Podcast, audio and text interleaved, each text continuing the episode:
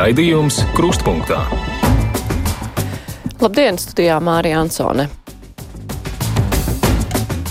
Nākamā gada valsts budžeta projekts jau nonācis saimā. Likumi, lai sakārtotu partnerattiecību jautājumus, arī tur tiek skatīti.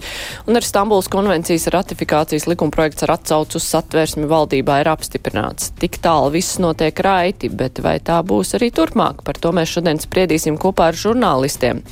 Arī par citām nedēļas aktualitātēm, piemēram, Rēzeknas mēra atstādināšanu no amata. Tas būs stundā pēc vieniem.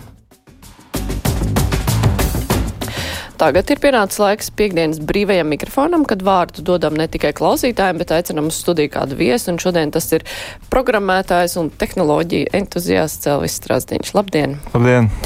Klausītāji varēs mums zvanīt eh, pa tāruņiem 6722, 888, 672, 559, kā arī sūt, sūtīt ziņas no mūsu mājaslapas. Priecājos, ja jūs dzirdēt krustpunktā. Jūs man atvainojiet, ka es tā es nekorekti izteikšu. Es gribēju pateikt tādiem, Man ir tādas divas mazas replikas. Jā, es uh, sekoju tev Twitterī kaut kādu laiku, un sākumā man ieinteresēja tie stāsti par tosteru izjaukšanu un tam līdzīgām lietām. Tagad uh, ir krāpnieku atmaskošanas sērijas. Kā tu nonāci līdz krāpniekiem no, te, no tehnikas izjaukšanas? Principā tas saistīts ar tehnoloģijām. Man patīk, jebkas, kur ir iesaistīts tehnoloģijas, un krāpnieki ir tāds interesants tehnoloģisks uh, pretinieks, kurš izmanto dažādas tehnoloģijas, lai no tevis nozagtu datus. Savukārt es izmantoju pretī tehnoloģijas, lai atkal no viņa kaut ko dabūtu un saprastu, kas viņš ir, kāpēc viņš to dara. Pagaidām mēs vēl mēģināsim zvanīt, sazināties ar vienu krāpnieku, kurš piekrits telefonu sarunai. Uh, varbūt viņš kaut ko izstāstīs mums vairāk par, par to visu, kā tas notiek. Jā, ne, galvenais, lai tas krāpnieks tagad neklausās brīvo mikrofonu. Nē, ne, viņš no nezinu, Nigērijas. ka, à, nu, Jā. jā, viņ, viņš tur tiešām atrodas. Tas ir droši. Nu, mēs jau viens zvanu uztaisījām, ir melnādains un e, parādīja savu visu riņķī, kas viņam tur ir. Tā kā, nu, nu, ja viņš arī melo par, e, mēs zinām, ka viņš noteikti nav Latvijā. Neklausās brīvā mikrofonā. Jā. Labi, bet es pacelšu klausulu un mums zana klausītājs kāds, kurš klausās savukārt. Labdien, esat ēterā, sveiki! Nu, es gribētu parunāt par politiskiem krāpniekiem. Mēs zinām, ka Zaļo zemnieku partija, kamēr viņi vadīja Brīsmanu, tā bija komunistu partija, jo Brīsmanis kā partijas sekretārs neko citu arī nevarēja darīt. Tagad partija nomainīsies vadība, bija jauni cilvēki. Nu, eh, pirms vēlēšana runas bija ļoti cerīga, bet pienāca kritiskais brīdis, un atkal viņi ir tie paši, kas agrāk. Tātad pelēkais kardināls nav mainījies. Žēl. Nu, jā, par politiku. Un, Protams, ZZS saukt par komunistu partiju. Nevar komunistiskā partija ir aizliegt Latvijā mm. vispār, bet uh, jā. Šis vairāk izklausījās nevis pēc jautājuma, bet pēc uh, pārdomām. Nu, tieši tā, jā. Un to arī tā, klausītāji brīvajā mikrofonā lielākoties mm -hmm. dalās ar pārdomām, lai gan kāds arī var uzdot jautājumus. Uh, labdien, esat ētrā? Labdien! Labdien! Um, es jums zvanu, principā, kā komunikācija bakalārs, un es jums zvanu kā sabiedriskiem mēdījiem. Un man ļoti interesē tāda lieta, kur jūs sniedzat informāciju patreizējiem notikumiem Palestīnā, kā sabiedriskais mēdījis. Nu, jā, tas bija jautājums man, mm. -hmm. nevis. Uh, Nevis, nu, Man arī mēs, protams, atbilde. jā, ne, mēs, protams, eh, smeļamies uh, no dažādām starptautiskām ziņaģentūrām. Labi, tas nav īsti mans profils, tāpēc, ka mm. -hmm. es nevaru atbildēt par ārzemju ziņu redaktoriem, bet es esmu pārliecināta, ka viņi izmanto uzticams avotus, lai tālāk veidot ziņas par to. Tā kā uzticam avotu, uzticam ziņu aģentūras uh, uz vietas. Uh, šobrīd viņi neatrodas. Tas -hmm. ir Mhm. cits jautājums. Labi, klausītājs Jānis raksta, es par tām balsošanas pogām sēmā. Ja es iebalsoju kādu cilvēku sēmā, es gribu, lai viņš ir par vai pret. Nevar būt tā, ka atturs to pogu vajag vispār likvidēt. Tad jau tas deputāts no algas arī var atturēties. Jā, tur ir uh, vairāk argumentu gan par, gan, gan pretēji. Bet, nu, tehniski atturēšanās ir balsojums pret, tāpēc es varētu piekrist arī, arī tam, jā. Jā, tikai izklausās smukāk varbūt. Jā, klausītājs, kurš sevi nosaucis par kaķi, Vaicā, ko Elvis domā par procesā esošo partnerības likumu vai pēc tāda institūta, ņemot vērā pēdējos notikums un attīstību sakarā ar mākslīgo intelektu, piemēram, chat GPTI. GPT, jā. Jā, bet. Um, Ā, nē, es atvainojos, es sajaucu, man pārlec jautājumu, Aha. jā, tas nebija tā, bet īstenībā partnerības likums un mākslīgais intelekts, tas bija labs salikums. Man Jā. divas vēstules te saputrojās kopā. Jā, bet uh, tad par partnerības likumu. Um, nu, es domāju, Vai Ā, kāds šis ir- vēlēsies laulāties pēc šāda institūta? Tas bija tas kaķa jautājums. es domāju, cilvēkiem vajadzētu mazāk satraukties par uh, svešām dzīvēm. Uh, satraukties tādā nozīmē drīzāk labāk uh, satraukties, lai viņiem ir labi, nevis lai viņiem ir slikti. Jo cilvēki, jūs nevarat iedomāties, cik forši daudz lietas ir dzīvē. Ir tehnoloģijas, ir tik daudz ko pētīt, tik daudz ko skatīties, un jūs satraucaties par to, ka kāds cilvēks grib būt laimīgs. Nu, kāpēc? Nu, kas jums dzīvē no tā mainīsies? Nu, ļaujiet viņiem reģistrēt un, un atvieglot viņiem dzīvi. Un uh, netraucējiet viņiem. Nu, tas tam nav, tas nav produktīvi. Mm -hmm. Klausītājs zvana, labdien, esat ēterā. Labdien! Labdien. Ziniet, patiešām man sāk nesaprast, e, ilgi jau klausos, gan televīziju, tā vispār bezskaunīgi e, līdz ārprātam. E, Raidījums iet, e, var būt 20 minūtes, 10 minūtes reklāma, un, un ik pēc, ik pēc e, nu, tas ir kaut kas vispār vājprātīgs. Un radio arī ļoti daudz visādi atkārtojumu, nepārtraukti jau es dzirdu, domāju, nu tā beigsies. Nedēļa pagāja, otrā nedēļa un, un vispār. Un vēl šis atjautīgais uh, uh, biznesmenis, kas te uh, nu, lielās, nu vairs nevar izturēt. Nu, kur viņš pirmais? Rādio viens. Un, vis, un nevis rādio viens un vienmēr pirmais. Nu, kāds vienmēr pirmais?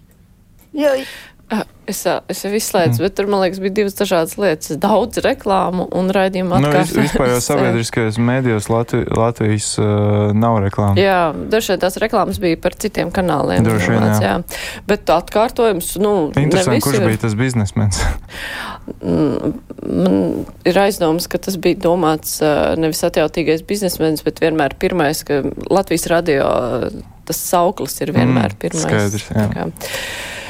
Klausītājs viesturs raksta, Dānijā var nopirkt alkoholu visu diennakti. Un aliņu no 16 gadiem es, ne, es, es par to nezinu, godīgi sakot, vai tā var vai nevar. Bet uh, klausītājs prasa, vai Dānija ir nodzērusies. Vairāk jautājums par cilvēku domāšanu. Ar varu aizliegt neko nevarēs. Tas ir saistībā ar to mm. -hmm. ierosinājumu no 20 gadiem pārdot alkoholu. Mm -hmm. Mēs par to diskutēsim droši vien arī nākamajā stundā, bet interesanti uzzināt Ja, viedokli. ja ir dati, ka tas tiešām samazinās alkoholismu, es esmu tikai par. Uh, Bet uh, es neesmu iedzinājies šajā jautājumā. Man tikai vajadzētu, uh, gribētos, ka viņi labāk publicē tos datus un atklātāk runā. Es, ja, ja, ja dati rāda, ka tas strādās, tad, uh, protams, absolūti. Un par Dāniju runājot, uh, tur, tur cilvēki vienkārši nelieto alkoholu, jo tur cilvēki pīpē marihuānu līdz ar to. Nu, Viņam nav jēgas neko aizliegt alkohola ziņā, ja tur ir marihuāns. Nu, Nu, gad jau visi nepīpē. O, ja es tur pa- pabiju, jā, Kristiāna ir vispār īpaša vieta. Nu jā, bet tā ir, tas ir tāda viena maza Bet tas- vieta. bet, Tas ir mūsdienu tāds tā kā virziens, jau kurā viss iet, ka cilvēki ļoti, nu, alkohola patēriņš ļoti samazinās pasaulē, un tas ir tieši, manuprāt, uz, nu, citu vielu rēķina. Nu jā, labi, klausītājs zvana. Labdien, brīvais mikrofons. Labdien! Labdien. gribētu mazliet padomāt par Šveseru kungu, vai viņš ir Latvijas. Ja viņš svētku dienā taisa tādas lietas, vai viņš ir pareizais Latvijas, vai viņam nevar domas citur. Tas eh, par to, ka viņš Mhm, 18. jā. novembrī grib eh, Tā- kaut ko rīkot pie brīvības pieminekļa, bet eh, vai tam ir sakara ar to latviešu vai kā es to redzu, nelatviešu? cilvēki vienkārši ieslikt tur ziedus, un viņš izdomāja, ka tagad tā ziedu nolikšana simbolizēs kaut ko citu, un tas, manuprāt, nav pareizi. Izvēlēties taču citu datumu. Nu, sanāk, ka jebkurš, kurš tur ies nolikt ziedus, tagad atbalstīs viņu, un tad ko tad mums neiet tur likt ziedus? Nu, tāds dīvains gājiens. Mm, Droši vien, ka kādam šķiet ļoti viltīgs gājiens, mm -hmm, bet, mm -hmm. nu jā. Bet, nu, ar tautību gan tam laikam nav nekāda sakara latvietis, ne latvietis, tas vairāk jā, ir nu, tas, cilvēku jautājums. Es domāju, cilvēki arī, kas ir dzimuši, es, es zinu daudz uh, ne Latvijas tautības cilvēks, kur ir lielāki patrioti par dažu labu Latviju, tā kā es šeit tautību nepītu iekšā. Jā, klausītājs zvana. Halo. Labdien! Halo, labdien! Mūsu miestā es esmu diezgan sena. Bija kādas trīs vietas, kur varēja dabūt alkoholu. Bet tagad man liekas, ka ar divu roku pirkstiem vai diez vai varēs saskaitīt, kur visur var nopirkt alkoholu. Jebkurā dienas laikā. Jā, man šķiet, ka tā ir tā, tā lielākā problēma, ka pa, visur ir pieejams. Tā ir, jā. Jā, ka tas ir varbūt pat par tiem vecuma ierobežojumiem mm. -hmm. svarīgāk, tas, ka tev, nu, ej, kur grib, visur var nopirkt. Jā, šeit tas, ka mana pieeja, kad arī ar krāpniekiem es uh, eju to virzienu, ka es mēģinu izglītot cilvēkus. Un tādā veidā palīdzēt, nevis kaut kā mēģināt likumus grozīt, tāpēc ka likumi, nu, visiem uh, tiem krāpniekiem, kas zvana no ārvalstu, viņiem ir uzspļauts uz mūsu likumiem. Bet ar alkoholu tas, diemžēl, nestrādās, jo šeit tā problēma ir tā ielaista, ka šeit tur tikai. Nu, Tu nevari pateikt alkoholiķim, ka tas, ko tu dari, ir slikti. Tu viņu neko neiemācīs. Viņš to turpinās darīt. Un, Nu, jā, bet, bet tas stāsts ir jau ne, ne, ne jau par alkoholiķiem, kuriem būtu jārastējas, bet par cilvēkiem, kuriem nevajadzētu kļūt par Nu, alkoholiķiem. ziniet, kā, ja, es, man ir draugi, kuri vienkārši nepērk alkoholu, jo, ja viņiem stāv leckapi alkohols, viņi viņu vienmēr izdzers, un uh, tas jau ir kaut kāda alkohols un pazīme, ka tev nevar stāvēt vienkārši alus, piemēram, lecskapī, tev viņi obligāti tev prasīsies viņu izdzert. Un tieši uz šādiem cilvēkiem alkohola aizlieguma arī strādās. Nu, jā. Tas jautājums, kurš. Nu, uh, ne pilnīgs jā. aizliegums, bet uh, ierobežošana. Mm. Tas jautājums, kas man salipa kopā ar partnerattiecību likumu, kas eh, klausītājs vaicāja par programmēšanu. Kā Mhm. jums šķiet, vai programmētājiem būs darbs pēc 10, 15 gadiem, raksta Edmunds, ņemot vērā pēdējos notikumus un mākslīgā intelekta attīstību? Uh, Darbs būs, tikai viņš būs citādāks nekā tagad. Mēs domājam, ka programmēšana visu mūžu paliks kā uh, kodu rakstīšana, bet tā nav. Jau, jau tagad uh, man bija, man bija parakstīts darba līgums, starp citu, ar Amazon, par ko es arī rakstīju. Un man darba pienākums patiesībā nebija pat rakstīt nevienu kodu rindiņu, bet arhitektēt sistēmas un, un to melno darbu, ko mēs saucam programmēšanu, tas melnais darbs, to darīja programmētāji, nu drīz to darīs uh, mākslīgais intelekts. Mm. Ne pilnībā, protams, ka cilvēkam vienmēr būs jāuzrauga, jo saucamās mākslīgā intele- intelekta halucinācijas, kad viņš sāk darīt uh, lietas, kuras viņš nav iemācījies, un kas ir pilnīgi nepareizas.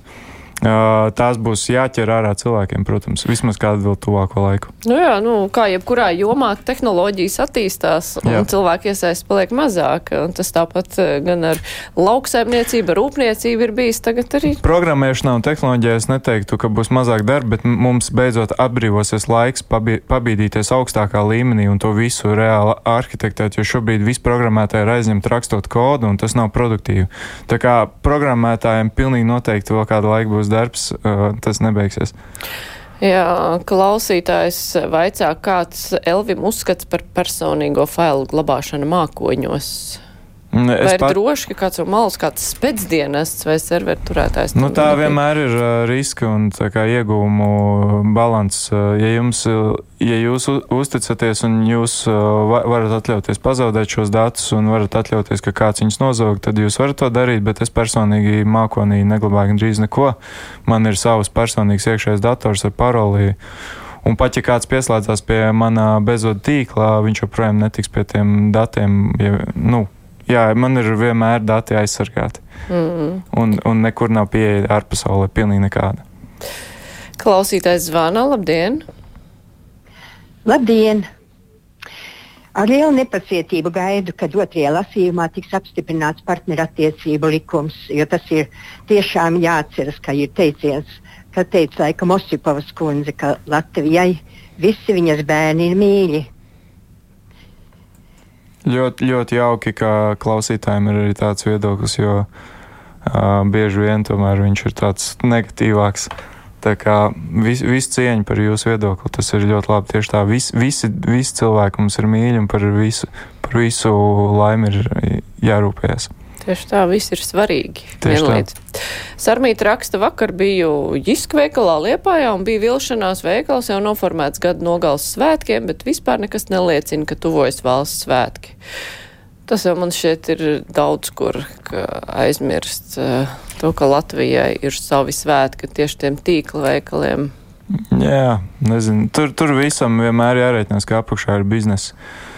Un, ja viņ, viņiem ir daudz datu, un ja viņu dati rāda, ka šis strādā un šis mums ienesīs vairāk naudas, šis nē, tad viņi darīs to. Un tāpēc cerēt, ka kāds tur, ka kādam tur varbūt rūp valsts svētki, nevis nauda. Nu, Varbūt, ka kādam rūp, es nesaku, nevienam nerūp, bet jums vienmēr jārēķinās, ka uz, uz biznesa iestādēm nav jāskatās kā uz patriotiem.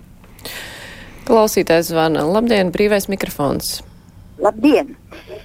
Es neesmu jums zvanījis, bet es gribēju cilvēkus uzaicināt, lai ceturtdienās klausās pa klasiku, nu, e, kā mūsu deputāti runā. Ziniet, tas ir vesels cirks. Tur var redzēt, kā katrs mainās, kā katrs, jāsaka tā, mūd. Un tad gribētu teikt tā, e, kad e, kādreiz 90. gados deputāti brauca pie, pie, pie vēlētājiem uz lielākām pilsētām, mazākām pilsētām, bet tikās ar mums. Bet tagad nu, ir tā noslēpušies savos kambaros. Un tā ir savu naudu, kā saka, savākuši. Ka nu, viņiem ir tik labi, viņam labāk nevajag. Kāpēc ne? Dzīvo parīgi un tauri. Es gribētu piebilst, ka viņi nekur nav noslēpušies. Viņi ir pārvākušies uz internetu, jo tur ir lielākā viņa publika. Un, ja jūs paskatīsieties TikTokā, ko viņi filmē un kur viņi ir parādās sociālajos tīklos, ko viņi raksta, un viņi ir joprojām aktīvi, bet vienkārši citādā veidā. Un par to, ka politika ir cirks un ka saimā kā viņi tur rakstās, nu, protams, nu, Tas viss ir mārketings. Viņi sev pārdod savam vēlētājam. Un, uh, es domāju, ka tad, kad viņi aiziet un novelk savu uzvalku mājās, apsēžās dīvainā un uh, lasa avīzi vai skatās televizoru, viņi ir pilnīgi cits cilvēks. Tas ir viņa publiskais tēls, kas ir saimā, un tas, kas viņi ir privāti. Tas, uh, Es domāju, tie divi varētu pat teikt bieži vien dažādi cilvēki. Jā, bet vispār būtu interesanti par to TikTok, cik daudz no TikTok skatītājiem beigās aiziet uz vēlēšanām un cik daudz cilvēku nelieto sociālos tīklus iet uz vēlēšanām. Es nezinu, Jā. vai tieši tādi precīzi dati ir bijuši, bet tas būtu interesanti, vai viņi tiešām uzrunā pareizo auditoriju. Jā, jā tas, tas būtu labi. Bet es pilnīgi piekrītu, ka politiķiem būtu jābrauk ar riņķi un jārunā dzīvē, jo tas ir labākais veids, kā komunicēt ar vēlētājiem, manuprāt. Klausītājs Juris lūdz, lai viesis pastāsta top trīs lietas, kuras būtu jāievēro, lai viņus neapkrāpti, tīpaši sirmās kundzes, kas zvan uz brīvo mikrofonu, to sadzirdētu. Te gan bija tāds um, dzimuma dalīšana tieši kundzes jā, jā. un tieši sirmās, bet domāju, ka jebkurš cilvēks, vai sirms vai nesirms, vai kundze vai Absolūti. Kungs. Vecums šobrīd nav pat noteicošais visās grupās vienādi apkrāpi, visos dzimumos vienādi. Es pat teiktu, ka pēdējā laikā ar mani sazinās vairāk vīrieši.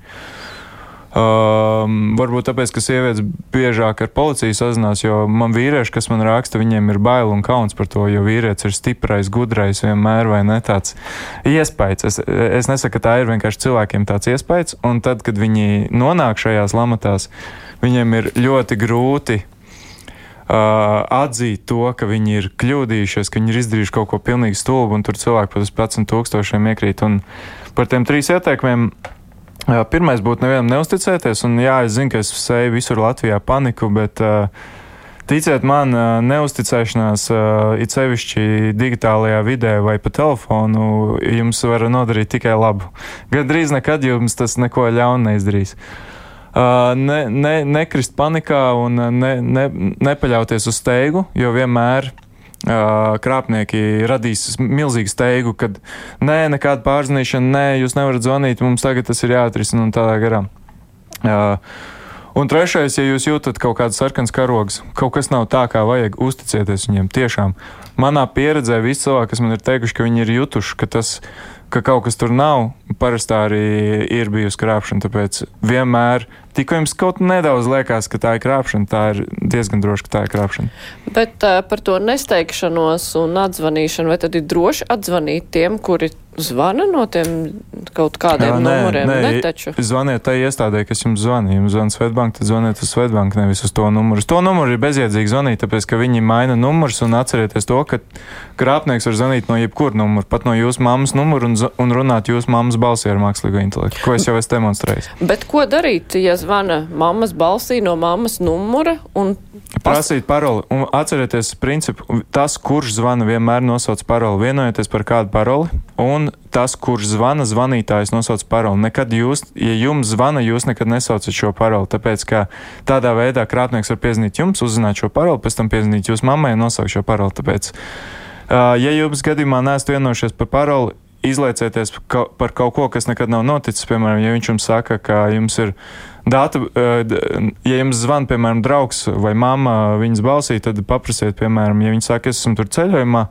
pazaudēju telefonu, lūdzu, pārskait man naudu, tad sakiet, ah, tu esi ceļojumā, mēs taču tur bijām pirms gada, vai atceries, mēs bijām kopā. Un, ja viņš, ja viņš saka, tas krāpnieks, jā, jā, jā, es atceros, un jūs zināt, ka jūs tur nebijāt, tas skaidrs, tas krāpnieks. Mm -hmm.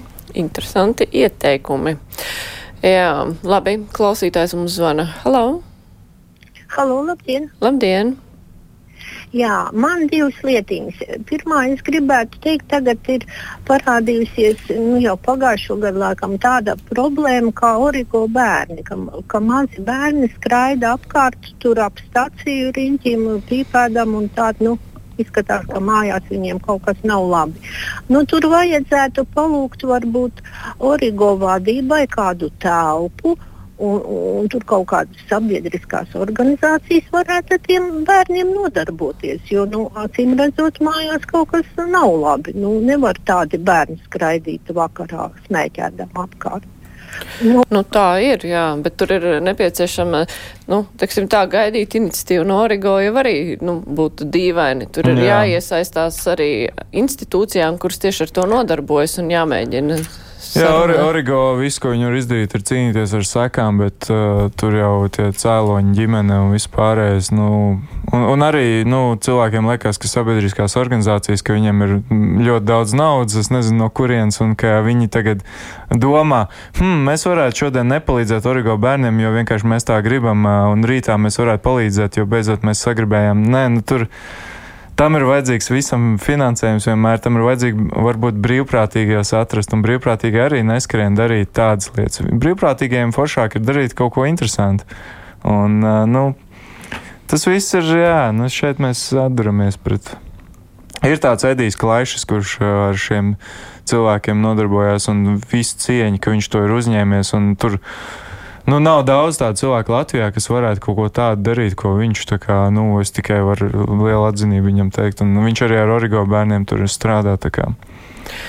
Jā, pacaušu klausulu. Labdien, brīvais mikrofons. Labdien, es piezvanīju. Piezvanījāt un jau esat ēterā. Tā, es gribēju, mēs visu laiku nu, sev teicām, ka nedrīkst nu, aizmirst par Ukraina, karu Ukrainā.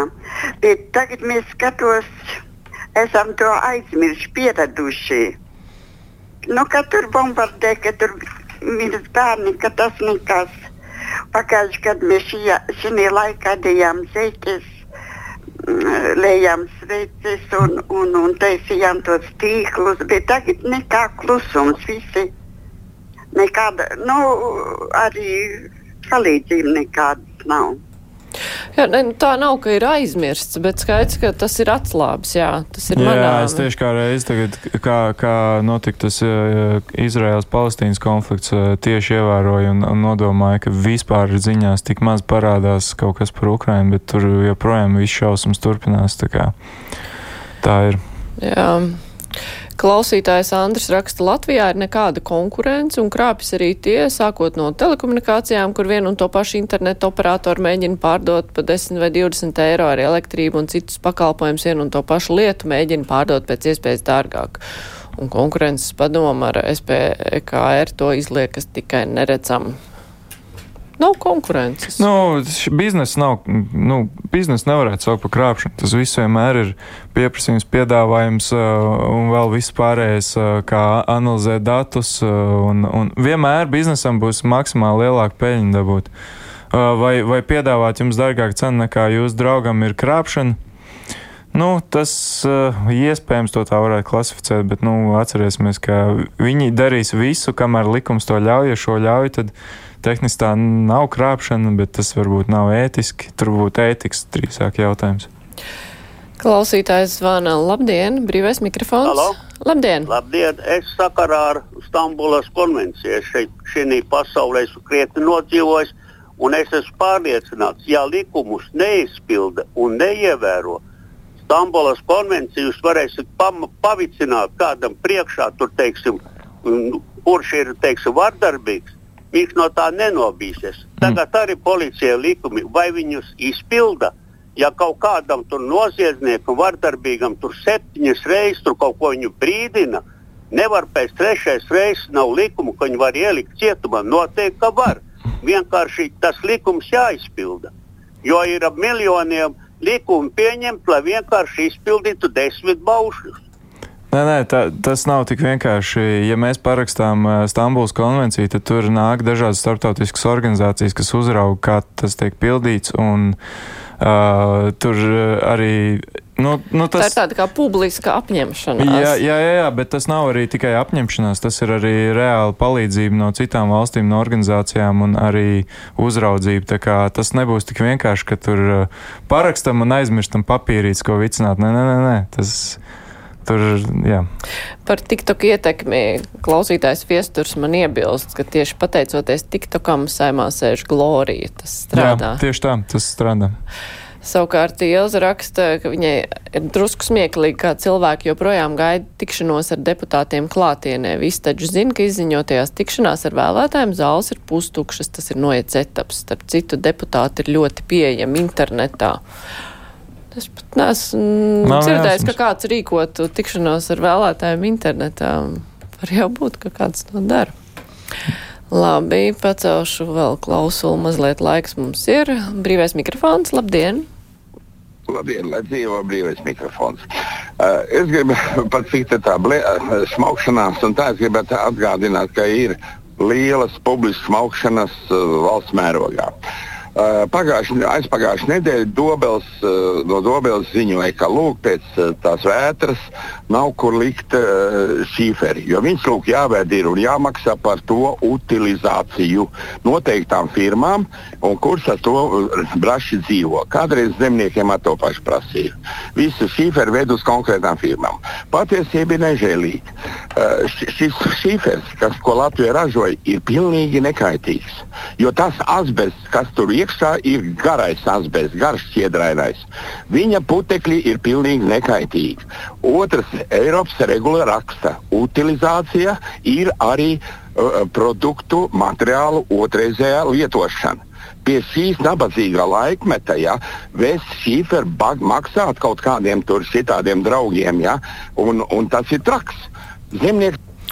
Jā, šeit es gribu Tieši kā reiz bijusi prezentācija jaunam projektam Lieto vēlreiz LV, kas ir Zero Waste Latvija iniciatīva, un uh, ieiet tur Lieto vēlreiz.lv, un tur var gan nodot šo šīferu, pat nu, nemaksājot, un uh, arī viņu dabūt bez maksas no tiem, kas ir nodevuši. Tas ir tāds foršs apmaiņas veids, jo, nu, protams, labu uh, šīferu, ko vēl var lietot, kas, piemēram, palicis būvējot pāri. Uh, to, protams, nu, nevajag varbūt iznīcināt vēl kaut ko. Jā, es, gadījumā... es pat tām šīferu īpašībām es tiešām nezinu, vai Latvijā ražotais šīferis būtu nekaitīgs, kā kungs teica, bet tas nu, būtu jāpārbauda mm, pirms uh, jā, šo informāciju tā tālāk laist. Bet uh, ir iespējams īsi atbildēt, ko nozīmē inficēts kabelis? Jā, tas nozīmē, jā, es varbūt nepareizi izteicos. Bet tā pavisam jā, tā ir programmatūra uz kabeļa, un šo kabeli piesprāžot pie datora, uzinstalēs vīrusu un notiek visādas ļaunas lietas. Jā, klausītāji trīs reizes uzdev šo jautājumu, un tēt uh, saņēma vismaz atbildi. Bet, nu, ar to arī es saku paldies. Šodien kopā ar mums programmētājs Elvis Strāsdiņš. Es ceru, ka jūs kaut ko iemācījāties. Es te daudz vērtīgas lietas, manuprāt, izskanēja. Brīvais mikrofons ar to izskan, tagad būs ziņas, un pēc tam mēs jau kopā ar žurnālistiem diskutēsim par nedēļas aktualitātēm, nu, lielākoties tām, kuras ir nākušas no saimnes un valdības. Tagad ziņas.